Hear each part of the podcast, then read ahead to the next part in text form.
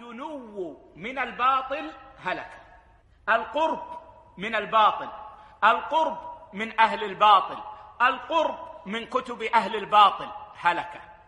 ويقود الإنسان إلى الهلكة. وأهل الباطل لا تغتر بما فيهم من خير. فإنه لا يكاد يوجد إنسان إلا وفيه شيء من الخير. فكيف إذا كان مسلما؟ ولكن الباطل كالجرب يعدي وهو سريع العدوى فالدنو من الباطل يوقع الإنسان في هلكه وهذا من أحسن أبواب التربية. وهذا أصل عند السلف.